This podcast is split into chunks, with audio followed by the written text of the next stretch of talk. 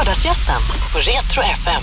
Ja, då var det lördag morgon och eh, jag har ju min radiofabrik. Han har sin kunskapsfabrik. Han är Rickard Nordström, magister Nordström. God morgon. God morgon, god morgon. Har morgonen behandlat väl? Ja, jag tycker det. Jag har fått mitt kaffe och ja, ätit min gröt. Jag är förberedd. Sportlov, har man det som lärare eller så här, du, du blir helt stissig när du är ledig eller?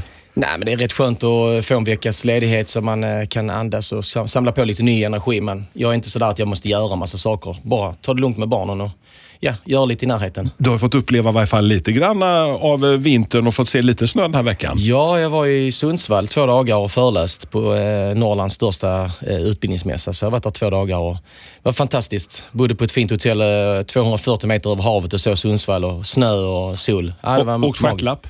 Eh, nej, jag gjorde inte det. jag, jag gjorde ingenting. Utan jag, jag höll mig på hotellet och var till lite lugnt. Träffade massa människor. Eh, säger man Rickard Nordström så är det kanske inte så många som vet, men säger man Magister Nordström, ditt eh, va, alltså, varumärke som lärare, kan man säga så Rickard? Ja, det, då har vi blivit så. Eh, nu när jag är ute och föreläser eller träffar människor, så förutom de i min vänskapskrets så, så vet de egentligen inte vad jag heter. Men ja, det är Magister Nordström. Så att jag heter ju Rickard, jag har ett namn också. Så att, eh, det blev ju för fyra år sedan jag startade detta. Har du funderat på att byta, så att säga, lägga till, ta, byta, eller lägga till så, till Skatteverket, så att magister, lägga till det som en av... Nej, absolut inte. Men jag har ju ett företag också så att, eh, eftersom jag föreläser som jag måste ha ju. Så att, eh, Magister Nordström är ju en del av mitt företag och eh, även som, som lärare såklart. Du har världens viktigaste jobb brukar du säga Rickard. Världens viktigaste och roligaste jobb. Jag tar hand om Sveriges absolut viktigaste människor. Det är ju barnen. De är vår framtid. Det, låter lite klyschigt, men förklara. Nej, men alltså eh, det är ju ändå eh, förr eller senare så är det våra barn som eh, de jag tar hand om och undervisar och utbildar. Det är de som ska ta hand om vårt land och, och föra, föra facklan vidare och göra någonting bra av det. Då måste jag också göra något riktigt bra med dem och försöka få dem att förstå vikten av skolan och skapa minnen och liksom få dem att bli bra samhällsmedborgare. Tillsammans med föräldrarna såklart. De har så stort ansvar. Passionen, var kommer den ifrån Rickard? Ja, men passionen är ju att eh, varje dag träffa barnen. Det är, ingen dag är sig lik. Eh, träffa barnen varje dag. Eh, det kan hända vad som helst. Eh, de är nyfikna. De ställer massvis med frågor. Vi har massvis med diskussioner. Eh, och sen se lyckan i barnens ögon när de, när de klarar någonting. Det kan vara allt från att någon eh, lyckas, våg, eller lyckas skriva ett ord rätt, eh, skriva en uppsats eller till och med att man vågar kanske läsa inför hela klassen när man aldrig har vågat det tidigare. Att se den lyckan i, i ögonen, det, det är liksom det som driver en. Rätt okonventionell kan man ju då kanske tycka med det traditionella svenska skolsystemet som har fått ta så jäkla mycket stryk. Någonstans där när det är som mest negativt kring den svenska skolan, då kliver du in och börjar eh, utbilda dig 26 år gammal. Ja, ja precis. Nej, men, eh, jag jobbar ju inom näringslivet och var säljare och butikschef och var framgångsrik och sen så kände jag väl bara att det var någon som sa till mig, du borde bli lärare. Eh, vi behöver sådana som dig som kan ta människor och driva det framåt. Min moster sa till mig då, då, när hon sa det, då, då jag har full respekt för henne, så då, då slutade jag och sökte till lärarutbildningen och det, det är det bästa jag gjort någonsin. Och det, där, där du är idag med kunskapsfabriken, hela ditt koncept på sociala medier och allting. Var det någonting som så här, fötts under resan eller när kom den här grejen? Jag har jobbat som lärare snart 15 år. Ja. Eh, för cirka fyra år sedan. Eh, jag har ju hela tiden försökt att tänka utanför boxen och göra saker som eh, får eleverna att eh, vilja gå till skolan och vilja vara där på plats och ha känsla av att eh, jag vill ha så mycket kunskaper som möjligt. Ehm, och liksom ha den här tänka utanför boxen. Och jag gick hem och tänkte att men jag vill ändå försöka nå eleverna utanför skolan på något sätt och påverka dem. Och samtidigt att föräldrarna har någonting att diskutera med barnen. Ofta går barnen inte hem och berättar vad de har gjort, utan men om jag når dem på sociala medier eh, jag kan visa vad vi gör för någonting, så kan mamma, pappa, farmor och farfar också se vad vi gör och sen kan vi få en diskussion vid, vid matbordet. Samtidigt så, eh, så, så skapar det också en, eh, en pepp för eleverna att finnas med på, eh, på sociala medier. Mötte du något motstånd sådär i början? Alltså, både bland kollegor, föräldrar och så vidare. Vad, vad kan det vara bra för? Lite så Ja. jante? Nej, men eh, nej, det, från början var det inte alls det. Eh, utan det var bara väldigt positivt. Eh, det, det var ju framförallt för föräldrar och eh, morföräldrar och farföräldrar. Liksom. Men eh, sen spred det sig eh, bland elever på skolan som tyckte det, det här var ju väldigt bra det vi gjorde. Det jag gjorde i mitt klassrum. Som jag för övrigt kallar för Kunskapsfabriken. Eh, och sen så spred det sig till andra kollegor i landet. Och det sättet, eller det jag gjorde där, förstod jag att det fanns en efterfrågan i vårt land. Och sen så har det spridit sig. Sen är det alltid dyker upp eh, jantelagen och avundsjuka. Det är klart att det gör för att det, alla, alla är ju inte alla kan ju inte vara Mr Nordström utan vi är ju olika människor och vi är olika personligheter. Och några klarar inte, kanske inte av att jobba med sociala medier och vill inte göra det. Och det har jag full respekt för. Men då eh, får man också eh, försöka glädjas åt de som lyckas eh, jobba med det och, och, och nå framgång. Men det är ju någonstans, alltså det är där våra ungar är, så att då måste man ju vara på den... den uh... Ja, hemmaarenan. Jag mm, brukar precis. säga att det är deras hemmaarena. Och det handlar, det handlar inte bara om att jag jobbar med sociala medier för min egen skull också, utan för min del handlar det om att sen jag startade för fyra år sedan så vet jag mer om sociala medier än kanske många andra föräldrar vet. Jag har fyra barn själv. Nu vet jag vad mina barn håller på med och sysslar med på alla sina sociala medier, vilka appar de håller på med, vilka faror det finns, men också vilka förebilder de har. Så jag kan ju diskutera det med mina barn, vem, vem de här personerna är, Nathalie Danielsson och Amanda Edmundsson och så vidare. Det vet ju inte andra föräldrar kanske, men jag kan nå mina, mina egna barn på det sättet, men även eh, eleverna. Att jag kan diskutera och lägga mig på den nivån och prata om deras förebilder. Och det gör ju också att eh, de respekterar mig på ett helt annat sätt. De tänker, wow, Rickard är där också. Han, han vet detta. Hur vet du det? Ja, men jag är på er hemmaarena. Det här klassikern som har kommit senaste åren, liksom, så vi alla som föräldrar som blir lite halvstressade, att eh, ingen spontanlek och eh, skärmtid. Eh, hur tänker du där Rickard? Alltså, för att, eh, jag vet ju, ser bara mina barn, om jag inte talar om för dem så blir det lätt YouTube mm. deluxe. Ja, nej men det, så är det ju. Det är klart att eh, när jag var liten för 30-35 år sedan Oj, är det så länge sedan? eh, nej, men, ja, men då, tog man ju, eh, då var man ju ute och spelade landhockey eller fotboll. Eh, var ute på Gröningen och när det var mat så tog pappa cykeln och cyklade runt och försökte leta upp en och, och sen så var det mat. Mm. Eh, och jag brukar säga till mina barn, ut och lek. Men det är svårt, att, de svarar bara, men det är ingen annan ute ju. Eh, de sitter ju ofta och kommunicerar på, på sociala medier. Mm. Det är klart att det finns en fara med det också, att det blir för mycket surftid. Så är det. Det beror på vad de egentligen gör. Eh, så länge man har barn som är aktiva på annat sätt också. Eh, jag kan ta min, min son, han, eh, han är väldigt aktiv i skolan. Han spelar fotboll på rasterna. Sen så tränar han fotboll på kvällarna fyra gånger i veckan och spelar matcher. Liksom. För min del tycker jag att det, för han är det kanske skönt att, att varva ner lite med sina mm. sociala medier eller, eller YouTube eller vad det nu än är. Så att, men, men vi måste ju träna dem i det sociala. Mm. utanför också. Kommunikation och diskussion. Där har skolan en viktig roll eh, framöver. Jag, jag tyckte det var så roligt. Jag satt här om kvällen med, med min eh, yngsta dotter och så zappade på SVT Play och så plockade vi fram Fimpen, hade gått på TV nu yeah. här förleden. Liksom, yeah. Och fick se liksom en snapshot från din och min uppväxt liksom, med eh, lek på gården liksom, yeah. och bus och trams och eh, ja, det var mer det här spontana. Precis. Eh, det finns ju fortfarande kvar såklart. Eh, man ser nu har vi ju, det dyker upp fler och fler som multiplaner och konstgräs och det är lättare för barnen mm. att, att vara ute och, och, och, leka och röra på sig. Så att, eh, men vi, vi är vuxna, vi ska inte såga sociala medier, vi ska inte såga det här interaktiva, liksom att det digitala är, är någonting dåligt. För det, vi, vi, vi är lite rädda för det, vi föräldrar och vi vuxna.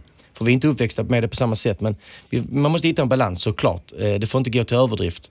Eh, man kan inte sitta och spela Candy Crush i åtta timmar. Liksom. Då är det någonting som kanske är galet. Men om vi söker information eller gör någonting annat så kanske det är lite lättare. Vad spelar du själv förresten? Nej, jag spelar inga spel faktiskt. Gör du inte Nej, jag är helt ointresserad av att spela spel på, på nätet eller data. Oh, jag, är alltså... jag är värdelös. Ja, men jag, jag har snöat in på den här Subway Surfer, så jag håller på fortfarande nu. Ja. Alltså, sån klassiker. Ja, nej, och jag är värdelös, jag, jag tycker inte det är roligt. Utan då, då, då, då gör jag andra saker. Då spelar du hellre in ett, ett, ett videoklipp. För du, alltså, du, du kom, hur många gånger publicerar du någonting på Insta som är liksom din huvudplattform? Ja, det är huvudplattformen. Eh, Instagram. Eh, jag lägger ju minst ett inlägg varje dag.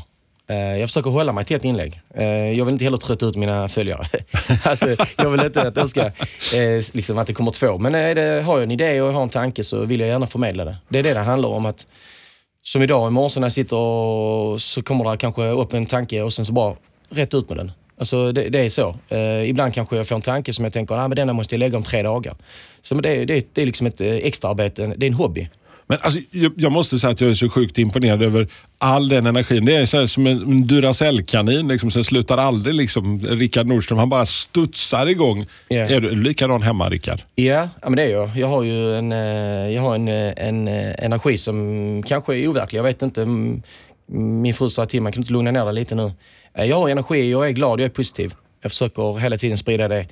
Känner att det är inte lönt att vara negativ. Det är inte lönt att, att se, se på saker på ett, ett tråkigt sätt, utan man försöker hitta lösningar framåt. Är du pinsamma pappan också? Med fyra barn? Ja, Rickard? men det är jag ju. Det, mm, jag är det kanske lite för ofta ibland. Alltså. Eh, Jag är ju inte bara lärare, jag är också fyrbarnspappa. Och jag har ju en barnslig sida inom mig. Så det är klart att jag vill ju eh, på något sätt eh, fortsätta behålla det. Jag tror att kan man skratta, le, skoja med sina barn så tror jag att livet blir mycket roligare. Men kan du se det som 40 plus nu? Alltså jag, jag kan bara känna, jag är ju 50 plus och jag, jag känner mig fortfarande som någonstans som en lallande tonåring sådär, Ja. ibland. Ja, men så. Jag, eh, siffror är väl egentligen inte någonting vi behöver titta på, utan det är ju hur man känner sig inom, i kroppen, i knoppen. Eh, ja, jag är ju 45, men eh, jag, jag känner inte mig som det. Men det är som jag säger, min fru sa, du beter dig som om du är 20 år ibland. Ja, men så är det inte bra. Forever 17. Ja, ja precis. Då har du, tillsammans, du är tillsammans med en 20-åring. är det inte varje tjejs dröm? ja, ja, jag vet. Men det, alltså, det här med sociala medier nu, om man nu då ska ge sig in i den här världen, oavsett då som, eh, som lärare, privatperson eller som, som eh, på ett företag, alltså har du några sån här, någon sån checklista, så här, alltså några sån här quick fixes, hur ska man tänka? Liksom, vad ska jag göra för, för att bli framgångsrik? För det söker vi alla. Många likes, många klick och så vidare. Vad är ditt så? Ja, nej, men det är ju det är svårt att... Eh, min, min framgångs... Eh, varför jag har blivit, eh, har fått så många följare är väl för att jag blandar ju en seriositet eh, i mitt läraryrke. Där jag verkligen visar eh, hur man kan göra i skolan och hur vi på ett bra sätt kan eh, få barnen att vilja gå framåt i utvecklingen. Eh, och med tips och, och idéer. Sen att man blandar det med humor eh, och försöker få in glädjen så mycket som möjligt. Så att jag, jag försöker göra en blandning av det. Eh, inte bara eh, stillbilder om man säger så, utan rörligt. Mycket rörligt. Eh, och jag försöker liksom, eh, min, min grej har blivit eh, inspiration och pepp. Eh, det har liksom blivit det. Eh, jag får många meddelanden att eh, du, du inspirerar mig, du peppar mig. Sen finns det ju andra som jobbar med, inom skolan som jobbar mer med kanske material och tipsar om det och så vidare. Så att, men det har blivit min grej. Ska man, sen tänker jag att man kanske ska, man måste lägga inläggen när folk är aktiva. Eh, man får tänka på det också. Man, kan inte, man ska kanske inte lägga ett inlägg klockan 12 eller klockan 1 för att då, eh, då jobbar folk. Man får lägga det när de sitter och surfar. Eh, då kan de scrolla och så helt plötsligt kommer det upp i flödet och då blir de intresserade och nyfikna. Eh, sen är en annan, ett, ett oerhört viktigt eh, moment på Instagram. Det är att man eh, i inställningar går in och lägger in de ord man inte vill att kommentarerna ska innehålla. Eh, framförallt för mig som jobbar med barn så är det oerhört viktigt att jag tar in alla de här svordomarna och könsord som kanske kan dyka upp. Att jag vill inte riskera att någon skriver dem eh, för att eh, det kan vara avundsjuka eller någon som inte är i balans som skriver någonting dåligt. Och då är det bra om jag har lagt in dem i inställningarna, de här orden. Då sorterar de bort dem helt enkelt. Då kommer inte de eh, kommentarerna med. Hur, hur eh, reagerade eh, kollegorna första tiden när du klev in och började göra den här lite okonventionella och tog steget ut med Kunskapsfabriken, Instagram och hela den grejen? Alltså för att jag kan tänka mig att det är ändå en rätt så konservativ värld som har stått lite så här i mittemellan två olika skiften från det analoga till det digitala. Jo, men så var det ju. För fyra år sedan när jag startade, då gick jag in och tittade på eh, Instagram och kollade vad finns det för namn. För jag tänkte att det är där jag ville, där ville jag köra. Det fanns ju inga konton på Instagram som var med lärare, fröken, eh, klassrum eller någonting sånt. Så jag valde ju Magister Nordström, så jag liksom har fritt val där. Eh, idag kan vi titta att det finns ju eh, eh, mängder av konton. Det är fantastiskt. Jag är så himla glad. Eh, I och med att vi, när jag började så var det lite så här, ah, men detta kommer inte hålla, det kommer inte bli någonting. Men, men det blev det och jag, jag ville vara i framkanten och försöka sprida så mycket som möjligt. Eh, idag så eh, har vi ju så många andra som också lyfter skolan till en helt annan nivå. För det är det det handlar om också. Som du inledningsvis sa, att skolan har ju varit, fått väldigt mycket skit, fått väldigt mycket negativt eh, i media och så vidare. Och att det är tråkigt och det är dåligt och det är mycket att göra. Men eh, med sociala medier har vi också kunnat sprida någonting som, som visar hur bra skolan egentligen kan vara. Och det är väl absolut det viktigaste. Så de här bakåtsträvarna och de som kanske var lite negativa från början, de kanske har ändrat sig lite nu. Och, och, så, och så den här stora skylten Kunskapsfabriken. För det har du satt upp precis utanför dina klassrum. Varför en tradig skylt där det står sal bla bla bla? Ja, precis. Nej, men det tänkte jag också på. att eh, I min värld så vill jag försöka göra allt för att eleverna ska tycka det är roligt att komma till skolan. Och jag eh, säger ju på morgonen liksom, välkomna till, ja, då var det sal 16, välkomna till sal 16. Och jag tyckte det lät, lät väldigt, väldigt tråkigt. Så Osexigt så va? Ja, men det var det liksom. Det var, liksom, det var inget som tilltalade. Välkomna till sal 16, nästa år är vi sal 17. Hur kul är det? Eh, nej, men eh, då ville jag liksom, eh, då tänkte jag till att ja, men en fabrik, kunskap, kunskapsfabriken, det låter hur bra som helst. Och när jag säger det, välkomna till kunskapsfabriken, det är ju liksom, eh, det säger, det säger sig själv, det är, ju, det är en fabrik, vi jobbar, vi försöker bli, eh, vi ska inte bli färdiga produkter, men vi jobbar, vi lär oss jättemycket och så går vi vidare i livet, kommer upp till högstadiet och sen ut. Så att det tilltalar ju absolut mer än vad, det, vad en sal 16 gör. Vi tar eh, klivet in förbi sal 16 och Kunskapsfabriken, in i Rickard Nordströms klassrum. Hur ser ett klassrum ut som du har haft, de som du har haft under ja. åren?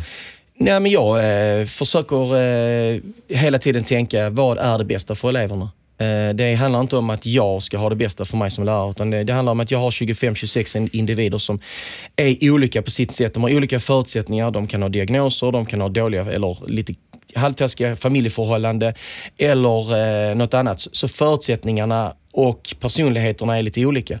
Det innebär att alla kan inte sitta på en stol i 60 minuter.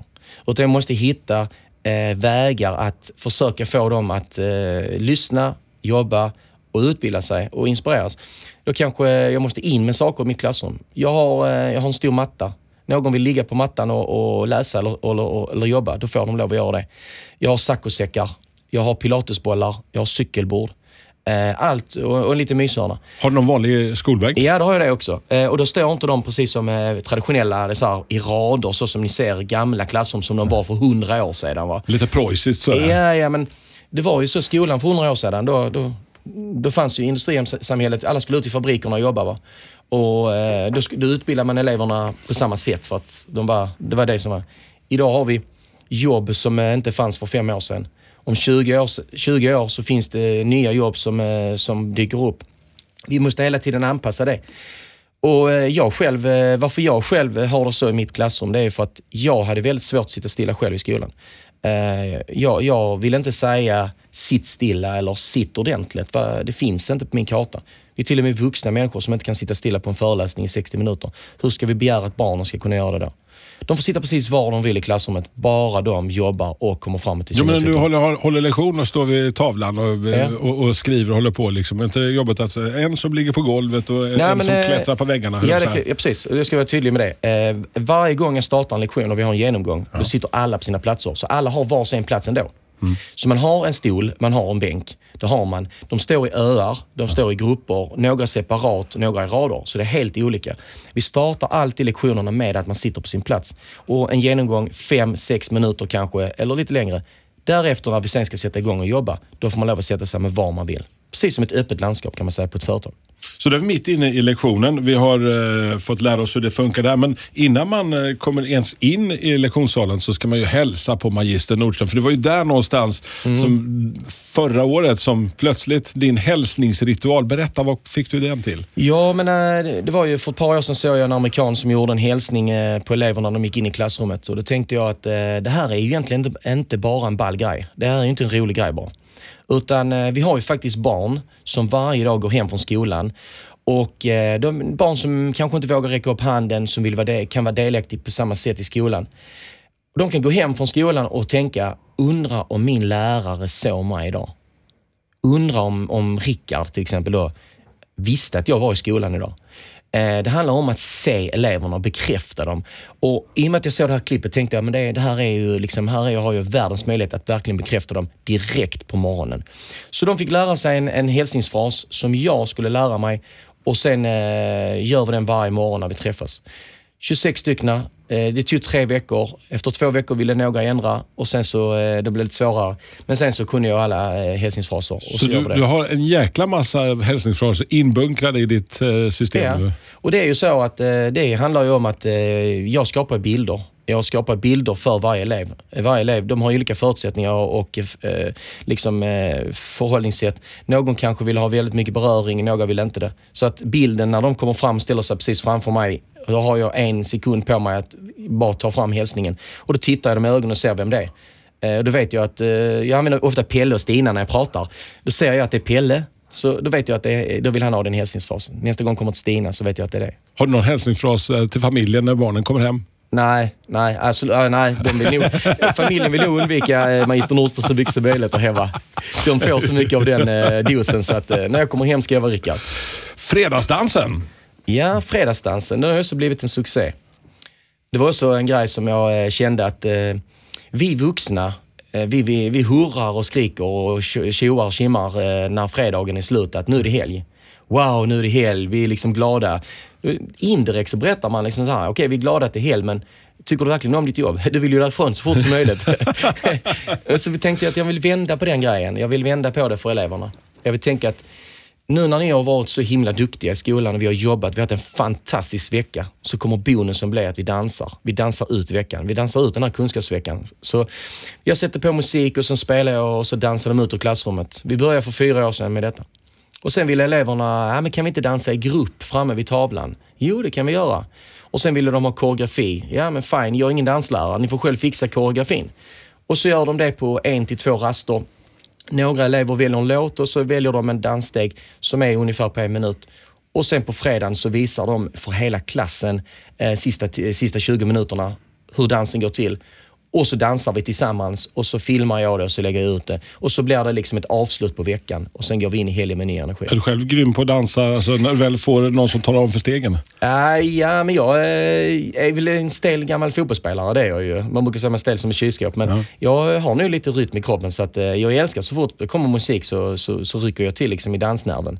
Så att eh, det är kul. Jag tror dans är, eh, öppnar upp mycket till glädje också. Eh, något annat av den mörka sidan av skolan som tyvärr förekommer och som alltid har förekommit, mobbing. Eh, dyker alltid upp den här eviga mobbingdiskussionen och allt eh, senaste, senaste åren.